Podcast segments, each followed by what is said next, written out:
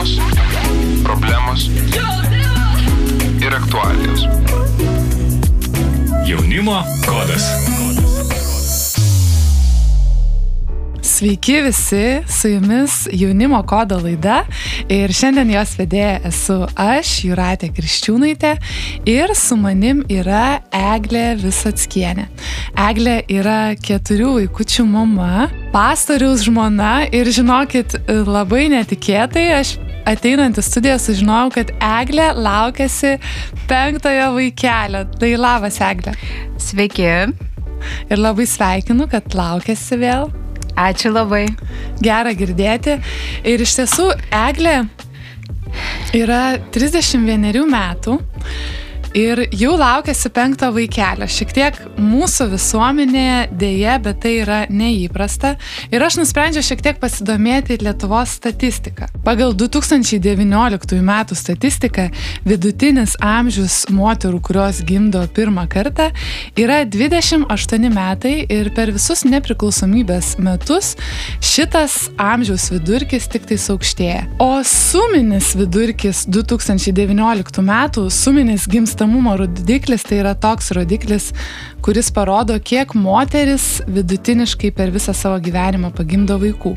Tai Lietuvoje šis vidurkis 1,61. Tai moteris lietuvė nepagimdo daugiau dviejų vaikų vidutiniškai, netgi mažiau. Tokie skaičiai man šiek tiek liūdėsio neša, nes žinom, kad Lietuvoje gimstamumas mažėja. Tačiau, kalbant su Egle, visų pirma, Egle, šeima ir vaikai prasideda nuo santokos. Tai aš noriu tavęs paklausti, kaip tu susipažinai su savo vyru ir kaip Dievas tave atvedė į santoką. Susipažinau tai labai įdomiai, nes iš tikrųjų, kai susipažinau, tikrai negalvojau, kad mano vyras bus tas žmogus. iš tikrųjų, e, susipažinau tada, kada pirmą kartą atėjau į gyvą bendruomenę, į Kristaus paliepimo evangelizacinį renginį. Ir ten Verelas buvo vienas iš tarnautojų ir, ir tiesiog jisai buvo tas, kuris vedė naujatikių pamokėlės, tai prasidėjo mūsų draugystė bet niekada negalvojau, kad jisai bus ir taps mano vyru, kad jis man patiks, nes iš pirmo žvilgsnio jis kaip žmogus man tikrai nepatiko. Mhm. Ir iš viso aš, kai atėjau, turėjau tuo metu sužadėtinį, kuris mane Oho. paliko dėl tikėjimo. Jam tiesiog atrodė, kad tai yra visiškai neaktualu ir kad aš kažkokiam nesąmonėm užsiminėjau ir pradėjau susidomėjau tiesiog va taip va susipažinau su Virelu, bet į jį kaip į vyrą nežiūrėjau niekada ir juo labiau, kad jisai buvo vyresnis, tai net tokių minčių nebuvo, kad jis galėtų būti kažkuo ateityje man. Mhm. Ir aš kiek žinau, jisai daugiau negu 20 metų vyresnis ir tai turbūt gal tave šiek tiek išgazino. Kaip tau pavyko priimti tokį faktą? Ne, neišgazino, aš apskritai neturėjau jokių minčių apie tai, kad jisai galėtų būti mano vyras, jisai buvo tiesiog tarnautojas ir sakau, tuo metu dar ir nelabai man e, mėgstamas, tiesiog kadangi turėjau vesti naujatikiam pamokėlės, tai nueidavau, kadangi krikštijo vėlgi jisai, tai vėlgi aš dalyvavau tame, kadangi jisai E, meldėsi, kad aš gaučiau dvasios krikštą, tai vėlgi tokia pažintis užsimesgė arba būdavo dienų, kada sunku ir tu kaip tarnautojų jam pasiskambini ir jisai patarė, padeda, bet niekada nežiūri kaip į vyrą. O kaip tu supratai, kad čia tavo vyras ir kad viešpats veda į šitą santykį? Tai supratimas ir kelias į tai, kad Vėrelas būtent man skirtas vyras buvo labai ilgas nes aš po kurio laiko ir jisai išėjo iš tos bendruomenės ir, ir kažkaip taip nutiko, kad šiaip vat, kažkaip susidurdavo tie keliai, bet tikrai vėlgi sakau, nežiūrėdavau jį kaip į būsimą vyrą. Tiesa, turėjau tokį atvejį, kad vieną kartą susapnavau, kad esu pas jį namuose, kur vyko malda kažkada bendruomenės ir jaučiuosi taip, kad esu ne šiaip namuose pas jį svečiuose, bet kad esu jo žmona ir aš tiesiog galvoju, čia kažkoks, kažkokios nesąmonės. Sakau, šito nedink nuo manęs su tokiam mintim. Tai va, ir tiesiog taip atsitiko, kad e, trumpinant istoriją, kad tiesiog e, jisai irgi tiesiog buvo įsimylėjęs vieną merginą ir pasninkavo tenais už ją, kad e, jų santykiai visgi perauktų į gilesnius, bet jie nutrūko ir paskutinę dieną, kada jis meldėsi, jam tiesiog iš širdį atėjo mintis, kad Eglė bus tas asmuo, su kuriuo jis galės auginti vaikus ir bus laimingas ir bus jo vaikai saugus juo. Ir tiesiog jis pagalvojo, kad irgi čia gal jis prisigalvoja, nes absoliučiai jokių jausmų vėlgi iš jo pusės nebuvo, nes jis žinojo, kiek man metų, iš mano pusės nebuvo, bet kažkas tuo metu užsimesgė mūsų širdyje, kad nu, galbūt iš mano pusės ir iš jo, bet mes nei apie tai kalbėjom nieko, tiesiog vėliau tai, tai tapo aišku, kada mes apie tai kalbėjomės. E, bet aš iš tikrųjų tyriau ir kalbėjau su pastorė ir tikrai daug kas, nu, nepritarė tam vien dėl amžiaus skirtumo. Tai matau, kažkaip viešpats tą vaikų pašaukimą nurodė jau iš pat pradžių. Tai šiek tiek daugiau apie jį ir apie visą šią gražią šeimą augančią išgirsim po muzikinio kūrinio. Tikėjimo dilemos, problemos ir aktualijos. Jaunimo kodas. Štai grįžtame į studiją su manimi Jurate. Šiandien yra Eglė Visatskienė, keturių vaikų mama. Jau turbūt man reikia sakyti beveik penkių vaikų mama. Eglė, kurioje vietoje baigėjai savo pasakojimą apie Tai galbūt kaip įvyko tas, kad mes visgi e, pradėjome tą draugystę su Vierelu, tai na ir viskas tęsiasi toliau taip, kad e, vieną kartą aš nuėjau į jo bendruomenę, kurioje jis jau buvo tuo metu kitoje ir tikėjausi ten išvysti kitą pamokslininką, bet tuo, tą dieną būtent pamokslavo Viorelas ir aš sakau, kaip gaila būčiau neįjusi. Bet labai įdomu, kad tada, kai jis išėjo ant scenos, aš jį pamačiau visiškai kaip kitą žmogų, kaip tą, kur e, kaip niekada anksčiau. Ir tiesiog mano širdį gimė kažkokie jausmai, aš pati nustebau. Ir, ir kažkaip aš jo e, tiesiog paklausiau po viso to, sakau, va, gal ruošiesi santokai, o jisai sako, ne, aš laukiu tavęs. Nors nu, įdomiausia tai, kad tiesiog aš jau kurį laiką prieš tai buvau pastebėjusi, kad jisai mane žiūri ir žiūri ne kaip paprastas brolis ir aš pasakiau, kad man tai yra nemalonu ir tu turi liautis tai daryti, nes aš pastavy bendruomenę daugiau neteisiu jūsų maldą, kadangi, nu, man tai tiesiog sukelia negatyvius jausmus ir savo draugams sakiau, kad Verelas rodo dėmesį kažkokį, bet man tai yra tai nemalonu ir kad tikrai nenorėčiau jo kaip vyro mano ten galbūt išvaizdos, įsivaizdavimai dar kažkokie buvo tokie, kad tikrai toks žmogus negalėtų būti mano vyru. Tai va, bet tuo metu kažkas gimė visiškai naujo mano širdį ir mes po to tarnavimo ėjome kartu namo ir aš jiem dalinausi įvairiais apreiškimais ir taip toliau, kas man iš tikrųjų visada patikdavo su Verelu, kad e, mes kartu skelbdom Evangeliją ir iš tikrųjų aš tai būdavo tam tikrų tokių atvejų, kai galvodavau, nu va, kad aš norėčiau būtent tokio vyro, kuris taip skelbia Evangeliją, bet kad Viorelo tai tikrai, nu ne, bet tokio, kad jis taip myli žmonės ir taip drąsiai prieina prie jų, nes aš pati tokia buvau ir man tai labai patiko ir žavėjo jame. Galima pasakyti klausytojams, kad Eglės vyras Viorelas Visotskas yra toks evangelistas ir jis labai drąsiai visada skelbia Evangeliją. Evangelija. Taip, taip. Ir būtent e, tai buvo ir mano širdyje ir tai man labai patiko. Ir kas įdomiausia, jo tenais, kada jis bandė ir draugauti, kažkokius santykius užmėgsti, priešingai tom panelėm, tokie dalykai būdavo tai, kas jom nepatikdavo ir būdavo nesuprantama, kaip tu gali ten svetimą žmogų kalbinti autobuse.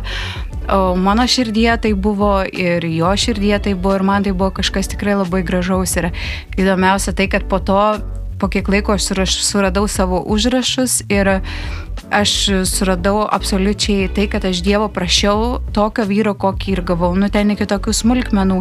Ir žinoma, niekada negalvojau, kad tai bus Verelas, bet ten ir ūgi, ir tai, kad jis būtų pastoris ir taip toliau. Ir tikrai aš jo neieškojau, aš pasakiau tai Dievui. Ir Dievas mano buvo visada pirmas, didžiausias prioritetas, didžiausia meilė.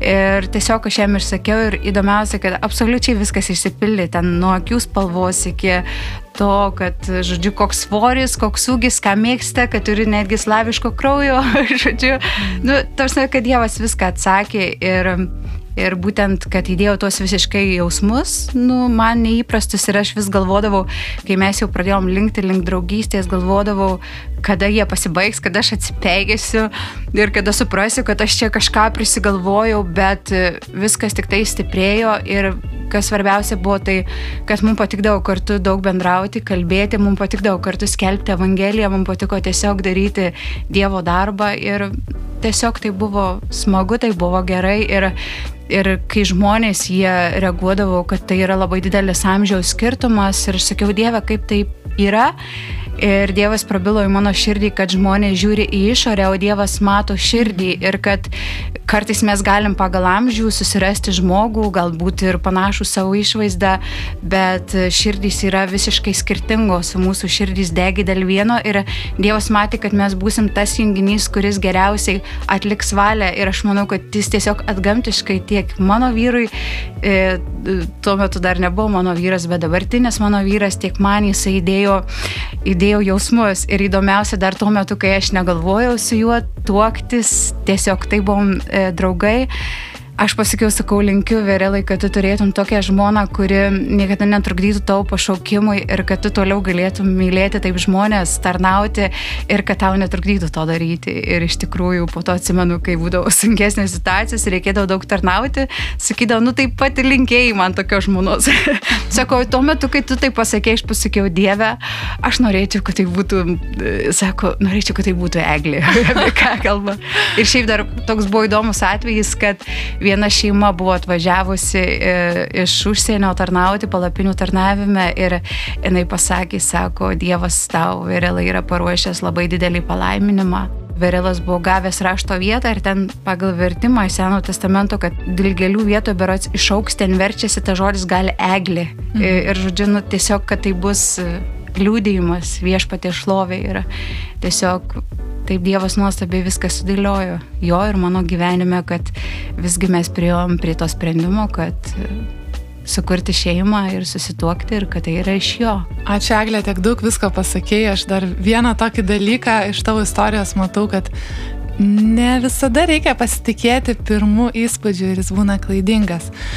Ir taip Eglės ir Vijarelo istorija klostėsi, jie susitakė ir pradėjo birėti vaikai. Ir apie tėvystę, motinystę pasikalbėsim po dainos. Tikėjimų dilemos, problemos ir aktualijos. Jaunimo kodas. Sveiki visi, kurie dabar įsijungėte mūsų radiją XFM ir kartu gyvenimo keliu mes šiandien esame su Eglė Visatskienė, jauna keturių vaikų mama.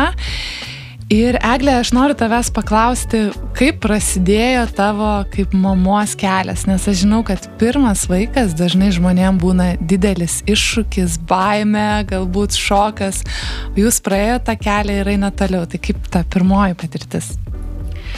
Jinai labai įdomi e, tuo, kad aš labai norėjau vaikų, bet žinoma, buvau visiškai egoistinė asmenybė ir šiaip iki tol, iki tol, kol aš įtikėjau, net nežinojau, kaip gyventi šeimoje, nes man tai atrodė kažkas nerealaus man kaip žmogui, bet Kristus jisai pakeičia širdį, įdeda visiškai naujus troškimus ir kai mes susitokėm labai labai norėjom vaikelio, bet, bet žiūrim, kad vienas mėnuo, antras mėnuo, trečias mėnuo ir to vaikelio nėra. Ir aš atsiminiau, kad man buvo tokia diagnozė pasakyta, kad mano yra neišsivyščiusi kiaušidė ir pasakė, jeigu tu negersi hormonų, tu tiesiog negalėsi pastoti ir turėti vaikų. Ir kada praėjo beveik pusmetis ir aš vaikelio negalėjau turėti, sakau savo vyrui, Sakau, gal tu turi problemų, o jis sako, nu aš tai ne, o tu, sakau, taip, sakau, man liepia gerti hormonus, aš jų negeriau ir sakau, matomai, todėl aš nepastoju. Tai sako, kodėl tu nesakai, mes laukiam vaikelio, jo nėra. Ir jisai pasimeldė už mane. Ir kitą dieną aš jau, kai meldžiausi ryte, aš pradėjau verkti, mano kambarį pripildė Dievo buvimas. Ir aš tiesiog išgirdau, kad Ona viešpas išgirdau tavo maldas ir tau davė vaikelį ir atrodė, aš tiesiog verkiau, atrodė tai protų visiška nesąmonė. Ir jau kitą savaitę aš pajutau neštumo simptomus po tos maldos ir, ir iš tikrųjų Dievas davė tą pirmą dukrelę, Samuelę. Ir iššūkiai, tai žinoma, jie buvo, buvo šokas, kai jinai tik tais gimė ir tas gimdymas buvo šokas, priminė pragaro kančias. Tikrai nesitikėjau, kad tai yra taip sunku. Žodžiu, ir um, Ir iššūkiai buvo tokie, kad e, tu staiga nebegali miegoti tiek, kiek tu nori, tu turi keltis, tu turi prie to vaikelio būti. Ir mano visas tas žmogus, ego, egoistas žmogus, kuris nori daryti, ką nori, miegoti, kiek jisai nori, staiga tiesiog pradėjo mirti ir tai skaudėjo ir tai buvo nelengva. Bet kuo toliau, to viskas darėsi lengvien. Tiesiog tie pirmieji pirmieji mėnesiai ypatingai jie buvo sudėtingi, žinoma, ir tos patirties visiškai nebuvo, mama atvažiavo, sako, ko tu su tuo kūdikiu guli, o aš pasirodo nesuprantu, kad jis raminasi, o negeria to pieno ir ten visą parą. Žodžiu, tai iš tikrųjų buvo gan sunku, bet labai gerai, kad aš šalia geras vyras, tai jisai man padėdavo, keldavosi taipogi naktim ir, ir padėdavo su tą mergaitę pirmąją motinystės tokie iššūkiai. Bet dažnai iš tikrųjų daug dalykų, ką mes darom pirmą kartą, mus išgazdina ir galbūt mums reikia tiesiog pereiti tą sunkumą, kad mes pajustumėm palaiminimą. Ir daugiau apie tai po dar vieno XFM muzikinio kūrinio. Tikėjimui dilemos, problemos ir aktualijos. Jaunimo kodas. Šiandien studijoje Eglė Visatskienė, penkių vaikų mama, kur vienas yra su mumis ir pakeliui, taip sakant. Eglė, tu prieš pertrauką minėjai, kad reikėjo atsisakyti savo egoistiškumo ir iš tikrųjų ta dalis nėra lengva gimus, ypatingai pirmam vaikeliui. Ir aš žinau, kad tu mokėsi vokalo ir norėjai tapti dainininkė. Ir dėl vaikų tarsi tu atsisakėjai šitos karjeros, kaip tau pavyko? Ar suderinti šitos dalykus, ar priimti tai, kad tu dėl mažo žmogaus, dėl šeimos atsisakai. Taip, iš tikrųjų, aš turėjau tą svajonę, turėjau svajonę tapti operos dainininkė ir, ir iš tikrųjų visi mokytojai jie pranašavo sėkmę. E, tiek talat kelpšą, kada mokiausi, tiek akademijoje, kai pasakiau, kad išeisiu, tai tikrai tokie įtakingi žmonės įkalbinėjau, kad pasilikčiau. Tuo metu aš išėjau ne dėl vaikų iš akademijos, dėl kitų priežasčių, bet iš dalies viskas sustojo ir žinoma, tai turėjo įtakos ir vaikų auginimas, nors gal daugiau ir mano tie vidiniai apsisprendimai, kad Žinoma, yra daug talentingų žmonių, kurie tarnauja Dievui ir dainuoja, bet aš kažkaip pasirinkau, kad savo tuo talentu aš tiesiog pasirinksiu tik tai išlovinimą Dievo. Ir pamačiau tame labai didžiulę prasme, kad būtent savo talentu aš tiesiog šlovinsiu, garbinsiu jį ir kad tai yra labai garbinga ir tai yra labai stipru ir labai daug. Tiesiog, kai tu ateini pas Kristusai, įdeda naujus troškimus, naujas svajones, naujus dalykus į mūsų širdį ir kažko tenka atsisakyti. Ir, ir tai buvo man šitas atsisakymas. Aišku, ta prasme, kad vaikai taipogi turėjo įtakos, nes ateidavo mintys, kad galbūt reikėtų užbaigti iki galo, nes aš nepabaigiau iki galo, nutraukiau studijas, bet vis pasirodydavo naujas vaikelis, tarsi sustabdydamas tai ir supratau, kad nu galbūt tai turi būti ir tiesiog pasidaviau tam, kas yra šiuo metu. Eglė, mes taip kalbam apie tavo vaikus, o kokio amžiaus vaikai? Tai Samueliai 8, tada Matanaliai 6, Ezekėliai 4, e, Elijai metai ir dabar mūsų kaž, kažkam penktam keturi mėnesiai dar pilvelėje. Labai gražu. O noriu tavęs paklausti, dabar jau yra vyriausiam 8 metai, tai tu to auginimo tikrai pamatėjai, 8 metai esi mama, kokią tu prasme matai palaiminimą buvime su vaikais, vaikų auginime?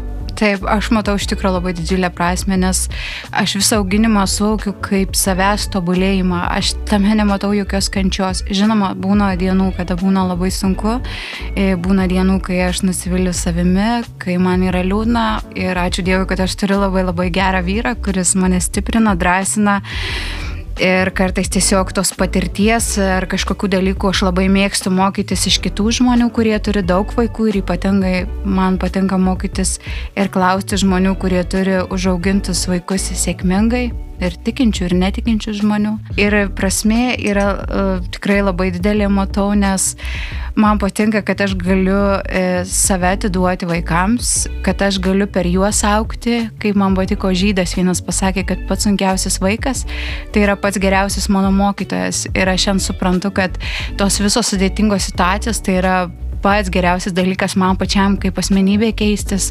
būti, nu, išmokti, suprasti, būti atjaut, e, nu, turėti atjautą ir ir į tuos vaikus investuoti save ir aš nematau kaip praradimo, bet aš matau kaip tik kaip didelį atradimą. Galbūt aš praradau karjerą, galbūt e, praradau kažkokį tenais vardą ten operos scenoje ar kažkame, bet iš tikrųjų tai aš nepraradau, aš kaip tik turiu labai daug, kažkaip asmenybė labai augus vaikais ir ir kartu džiaugiuosi, kad galiu investuoti į jų gyvenimus save ir savo laiką. Ir nu, viską mes stengiuosi matyti pozityvius dalykus, net tada, kai pavargstu.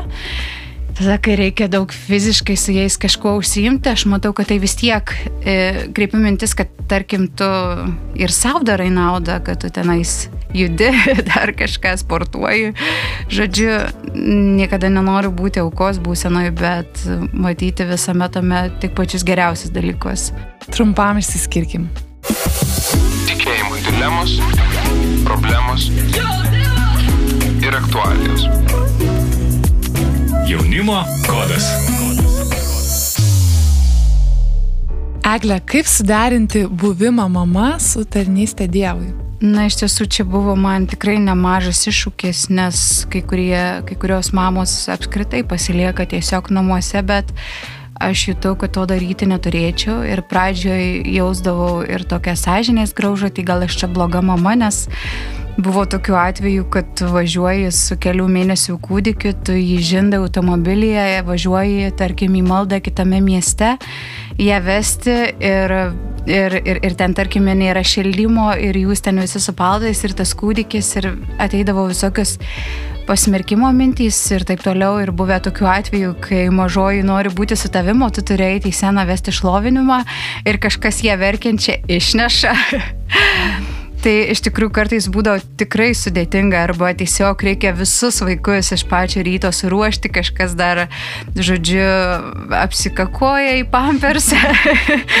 Ir dar pradžioje pasimdavom ir, ir, ir kolonėlės, tos aparatūros nebuvo bažnyčioje ir taip toliau tikrai būdavo sunku, bet aš supratau, kad Dievas jisai toks geras man, jisai išgelbėjo mane ir man labai patinka Luko 17, kada kalba apie raupsuotosius, tiksliau rašo, kada vienas sugrįžo padėkoti ir aš tuo gyvenu, tai mane motivuoja, kad nepaisant to, kad tai kartais nėra lengva, kad tai kartais reikalauja iššūkių, bet Dievas mane išgelbėjo ne tik tam, kad aš būčiau gera mama, nors aš tokia noriu būti ir stengiuosi, bet kad ir toliau tarnaučiau jam ir toliau daryčiau tą, ką aš galiu.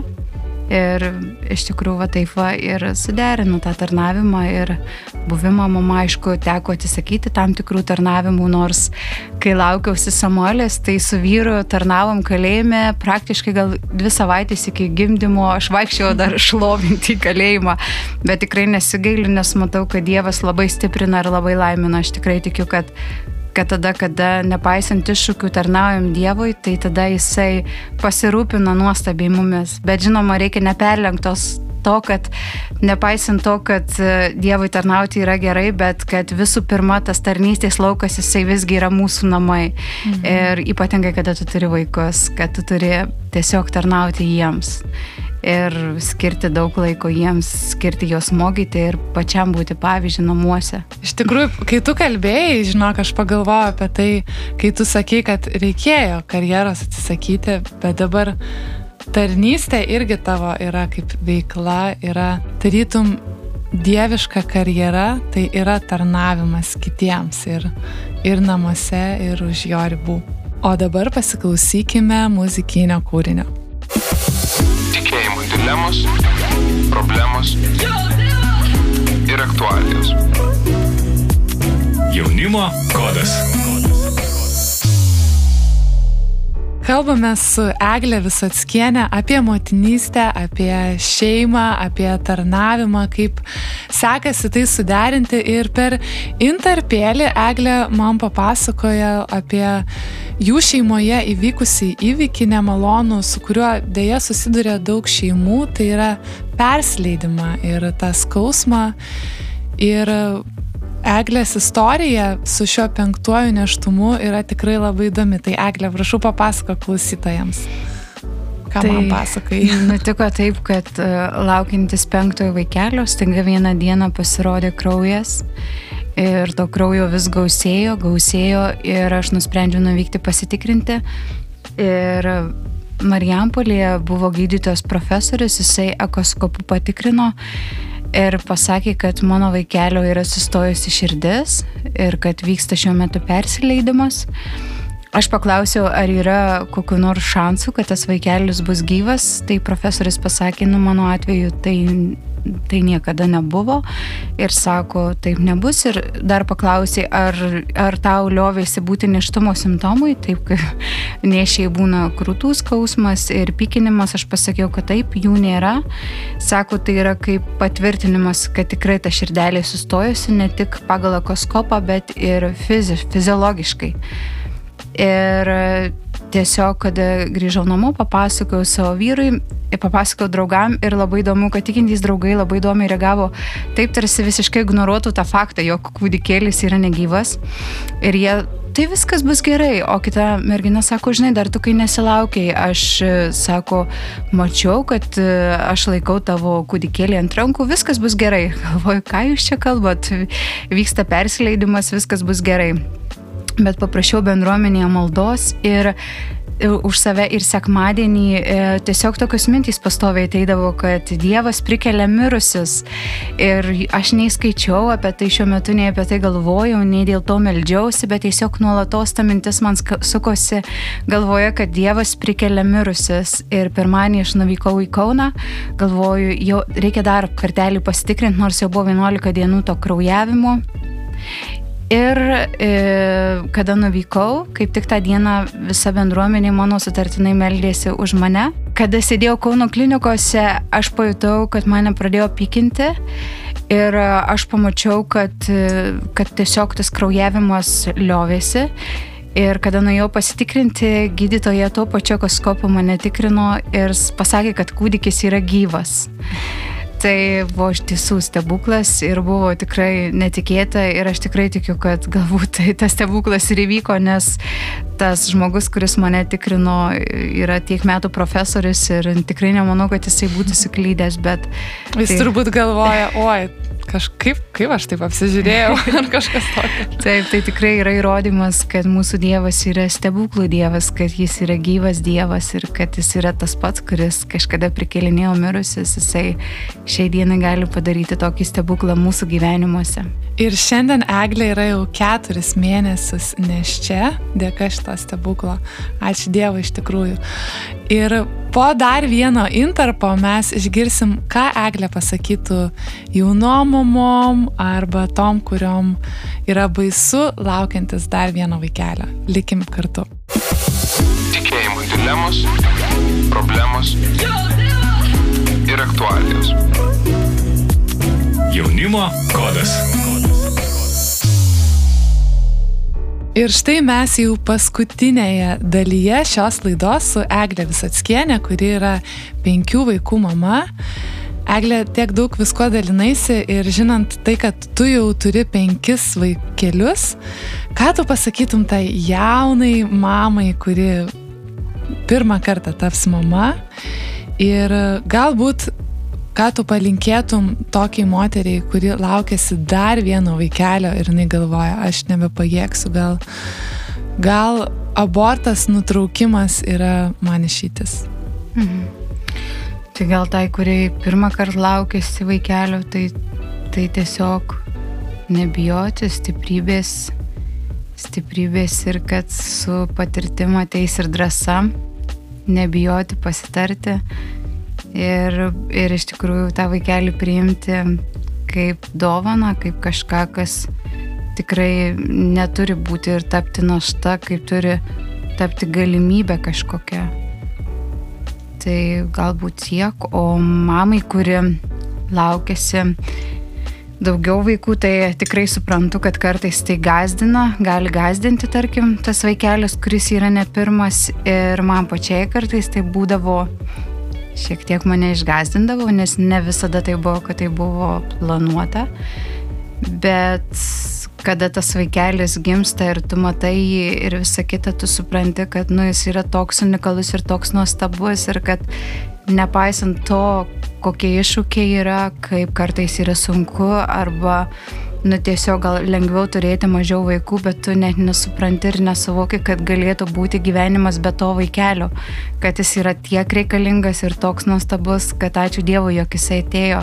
Ir tikrai jeigu tu šiandieną esi, kad galvoji, ar, ar tas vaikelis, nu, tau nebus per sunku, ar geriau nužudyti, tai tikrai geriau to nedaryti, nes tikrai, kada jis ateis, tu būsi nepaprastai laiminga, negu tada, kada pasirinksi jį nužudyti, tau tiesiog visada tai skaudės ir tu galvosi apie jį. Ir jis tikrai bus tau palaiminimas ir pamatysi, kad dėl to, kad jisai atėjo, tai jis ir turėjo būti su tavim.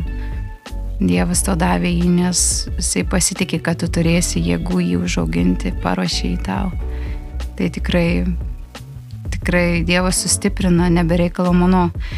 Kada trečioji mergaitė gimė, aš klausiau Dievę, koks jos vardas. Aš labai mėgdavau klausti iš viešpaties, kad tą vardą duoti, ne pačiai susigalvoti. Ir man atėjo, kad Dievas sustiprins. Ir mano vyras, kada yra kalbininkas, aš sakau, kaip bus Dievas sustiprins. O jisai sako Ezekielė. Ir aš supratau, kad jisai duos man jėgų, jisai sustiprins ir jis padės man užauginti vaikus. Jis duos išminties, jis pasiūs žmonės ir tikrai kiek tu beturėtum vaikelių, jeigu tu pasitikėsi Dievu ir remsiesi jį, tai jisai tau tikrai padės juos užauginti ir tu būsi žymiai laimingesnė pasirinkdama auginti jį, negu tiesiog nužudydama arba, arba tiesiog išsigandus ir jį atmesdama. Kitaip sakant, mūsų aprūpintojas yra Dievas, tvirtas, visagalis, amžina Ola. O mes šitą laidą patruputį baigiam, o aš noriu pabaigti šią laidą 127-osios psalmės žodžiais, nes Dievo žodis kalba garsiausiai ir aiškiausiai visada. Vaikai iš tikrųjų viešpaties dovana, o iščių vaisius - palaiminimas. Lyg strėlės galiūno rankoje yra jaunystėje žmogui gimęs sūnus. Laimingas žmogus turintis daug tokių strėlių. Jis niekada nebus nugalėtas, kai susikirs su priešais vartose. Su jumis buvau aš Juratė Kriščiūnaitė ir studijoje svečiavosi Eglė Visatskienė. Iki visiems.